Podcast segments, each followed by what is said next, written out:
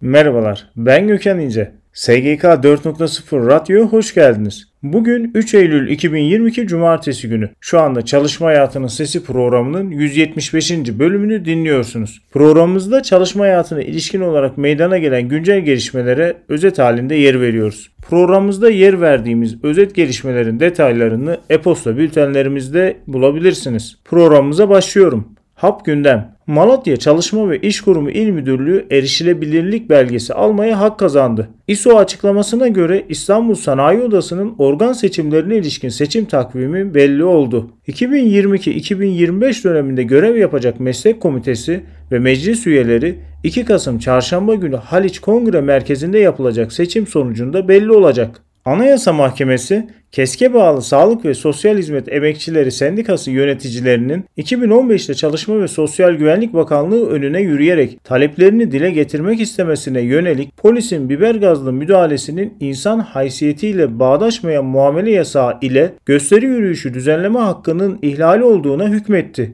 Bir diğer kararda ise Diyarbakır'da KESK tarafından düzenlenen basın açıklamasına katıldığı için ceza verilen öğretmen Ramazan Sümer'in başvurusuna yer verildi. AYM toplantı ve gösteri yürüyüşü düzenleme hakkının ihlal edildiğine hükmederek tazminat ödenmesi kararı verdi. Kamuda sözleşmeli olarak çalışan personelin kadro hakları ile ilgili çalışmalar hızlandı. Çalışmanın detaylarının bu ayın başlarında tamamlanması ve tasarının Ekim ayında meclise gelmesi bekleniyor. Ankara Ticaret Odası'nın mesleki yeterlilik kurumu ile gerçekleştirdiği Ulusal Meslek Standardı Hazırlama İşbirliği Protokolü kapsamında çiçekçilik mesleğinde sahip olunması gereken bilgi, beceri, tavır ve tutumların belirlenmesine yönelik ATO'nun 23 nolu Aktarlar ve Çiçekçiler Meslek Komitesi ve sektör temsilcilerinin katkılarıyla hazırlanan Çiçekçi Seviye 5 Ulusal Meslek Standardı taslağı ilgili tarafların görüşüne sunuldu. Zonguldak'ta Türkiye Taş Kömürü Gelik Müessesesi'nde taş kömürü üretimi yapılan ocağın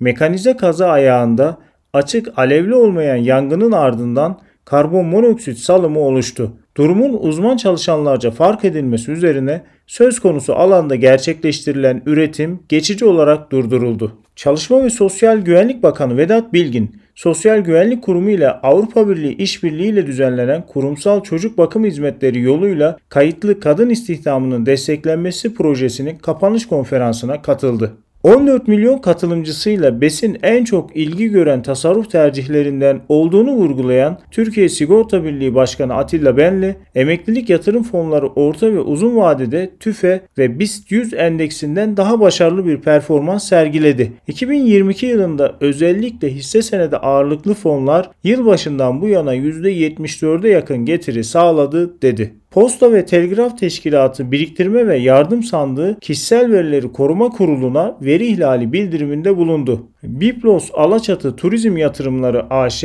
Kişisel Verileri Koruma Kurulu'na veri ihlal bildiriminde bulundu.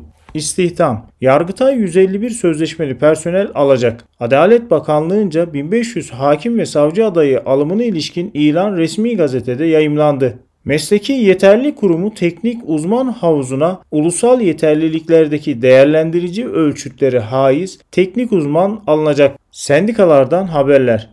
Gebze'de eğitim iş üyesi öğretmenler iktidarın öğretmenleri ayrıştıran meslek kanununa karşı açıklamasında öğretmen biterse gelecek biter diye seslendi. Eğitim İş Genel Başkanı Kadem Özbay, öğretmenlik meslek kanunu ile ilgili önümüzdeki süreçte kanun çekilmezse üretimden gelen gücümüzü kullanarak okullarımızda, iş yerlerimizde ve grev sürecini de öreceğimizi buradan ilan etmek isterim dedi. Çanakkale'de Cumhuriyet Meydanı'nda gerçekleşen basın açıklamasını Eğitim İş Çanakkale Şube Başkanı Serkan Serbest okudu. Serbest öğretmenlik meslek kanununun geri çekilmesi için ülke genelinde öğretmene saygı eylemi yapacaklarını iletti.